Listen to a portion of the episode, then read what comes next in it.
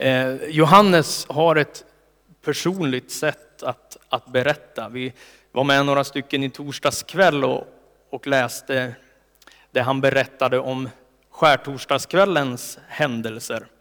Eh, och vi sa till varandra då när vi hade läst den där texten att han, han kryddar liksom lite grann med detaljer som kanske egentligen är oväsentliga för texten, men som ändå gör att man, man känner att ja, men här var han med. Va? Han berättar här det mest fantastiska egentligen. Va? Jesus har uppstått från de döda. Det ändrar världshistorien, det ändrar hela evigheten. Va? Dörren till evigt liv har, har slagits upp. Gud har besegrat döden. Här visar det och bevisas det att, att förlåtelsen från långfredagens kors, det gäller på riktigt. Va? Det berättar han. Men då tycker han att det är ganska viktigt att berätta också att de sprang dit och Petrus var inte först. Utan att den andra lärjungen, som ju troligtvis var han själv då, faktiskt var lite snabbare att springa än Petrus. Det är ganska bra att ha med till eftervärlden, tänkte han. Han tycker att det är viktigt att, och, och tala om att när de tittade in där så låg bindlarna och, och huvudduken hoprullat, men de låg inte tillsammans utan de låg var för sig. Det var nästan så han säger att det var lite slarvigt bäddat där när han hade gått. Det tycker han också är bra, bra viktigt att vi vet så här i efterhand. De där små detaljerna tycker jag gör att den här texten blir, ja, men den blir levande, va? den kommer nära. Det här var en, en människa som upplevde det. För det är ju så också för oss. Va? När, vi, eh, när vi är med om stora händelser i, i livet eller något sånt här så kommer vi ihåg vad vi var och var vi stod och vi kan bära med oss egentligen ganska oväsentliga detaljer om vad vi var och var vi stod. Och, och det berättar Johannes också. Slarvigt bäddat, men han hade gått. Johannes var den första som såg. En av de första som gick in i graven. Det stod där, han gick in, han trodde. Det som vi firar. Och hela runt om i världen firas de här dagarna och de här veckorna. Men han fick med att han var snabbare än Petrus också. Till det här personliga tilltalet så hör ju också då, tycker jag, det som det som Maria är med om där. Frågan som Maria får från Jesus. Vi repeterar en vers från berättelsen, Johannes 20 och 15.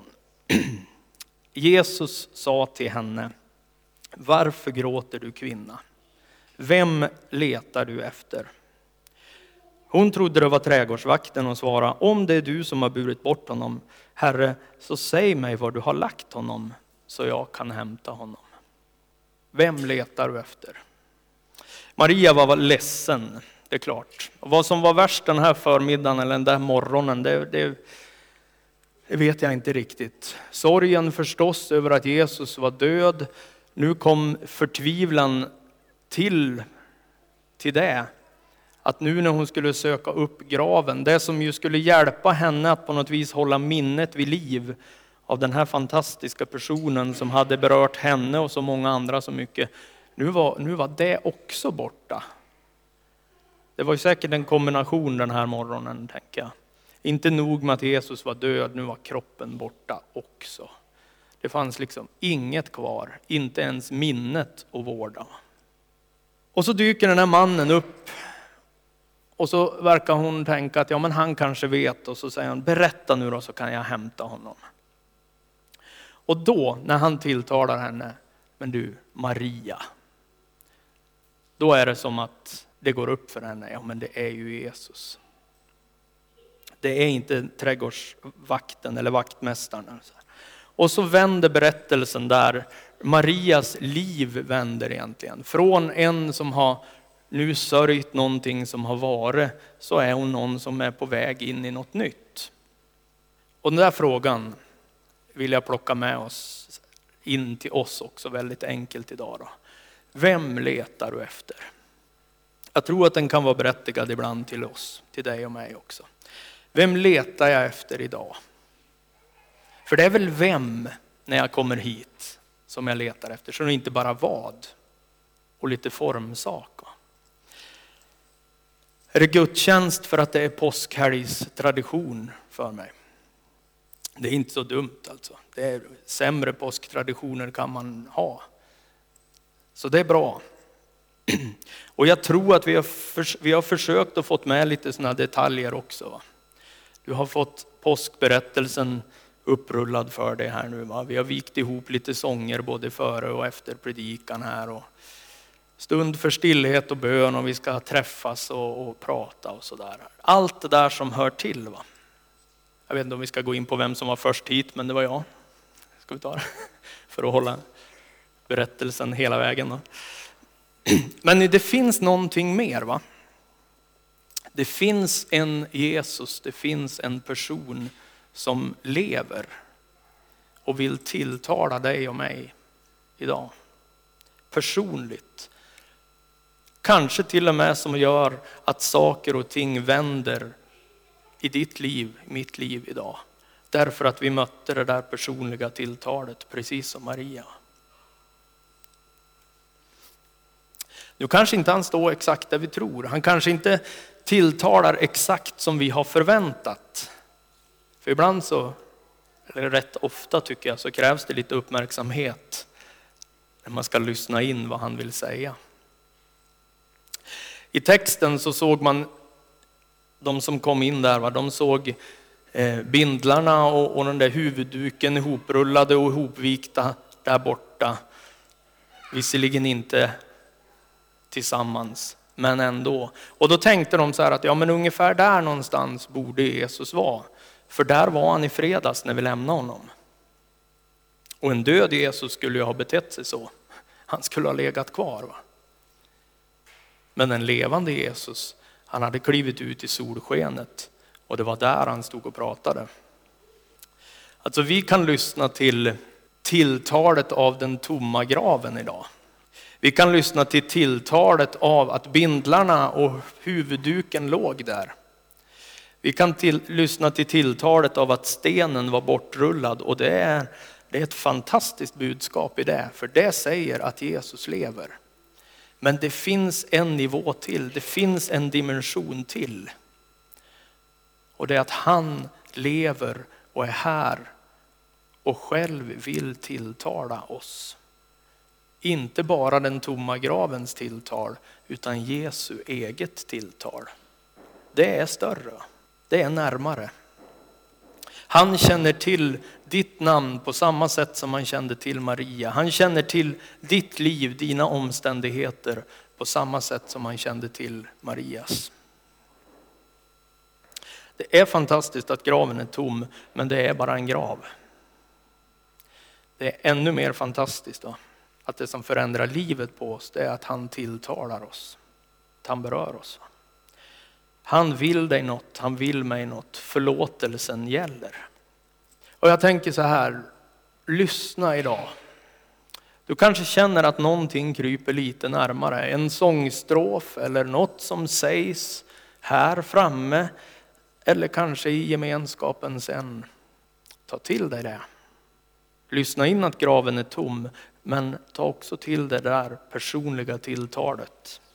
Det är en levande Jesus som tilltalar dig. Ta med det idag. Lyssna in det. En andra sak skulle jag också vilja lyfta ur den där lilla versen. Det som Maria frågar honom nu då, som hon tror är, är vaktmästaren eller vad, vad man nu ska likna det vid. Va? Det tänker jag också är någonting som kan lära oss någonting eller kanske påminna oss någonting för jag tror vi vet det. Hon säger så här, berätta var han är någonstans så kan jag gå och hämta honom. Hur många gånger hamnar man inte i den där tankefällan, tänker jag. Vi lever vårt liv, vi går på i vår vardag. Allt rullar på och så händer någonting eller man hamnar där vid vägs ände på något vis och så tänker man, men nu, nu behöver jag verkligen Jesu råd och vägledning. Nu är det bäst jag går och hämtar honom. Var var det jag hade honom sist? Så där får jag tänka om mina nycklar när jag far hemifrån. Jag har en skål ute i, hallen där det är bra att lägga dem, men det är allt som oftast som jag inte lägger dem där. Utan de följer med in någonstans.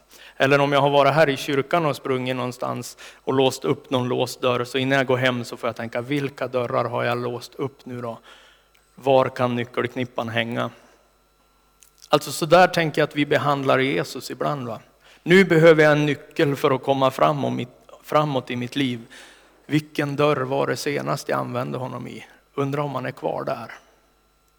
Och så går, går jag och hämtar honom.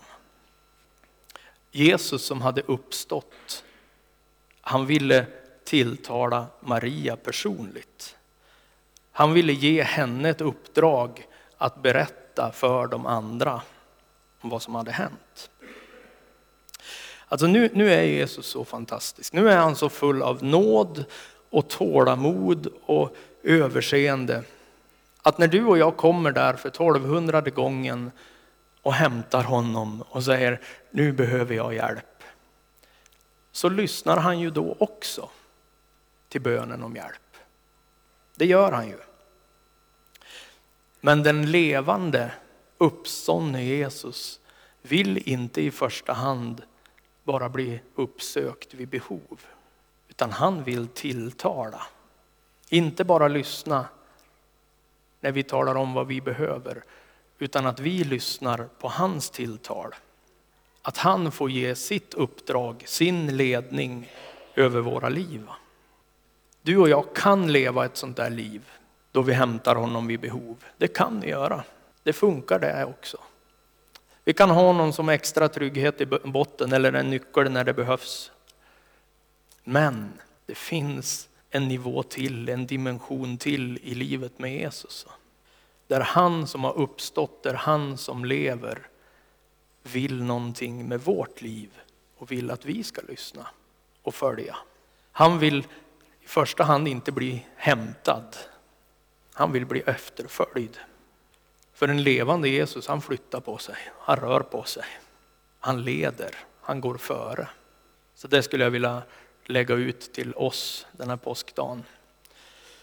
Sammanfattningsvis, det är spännande med detaljer. Va? Det gör en berättelse mer levande. Men lyssna inte bara till detaljerna. Lyssna inte till bara en tom grav idag, utan lyssna efter Jesus. Hämta inte bara Jesus när du behöver honom, utan följ där han vill leda. Han tilltalar dig personligt idag. Han har en tanke för ditt liv. Han är på väg där han vill att du följer. Han letar efter ögonkontakt med oss och då hänger den frågan kvar då. Men vem letar du efter?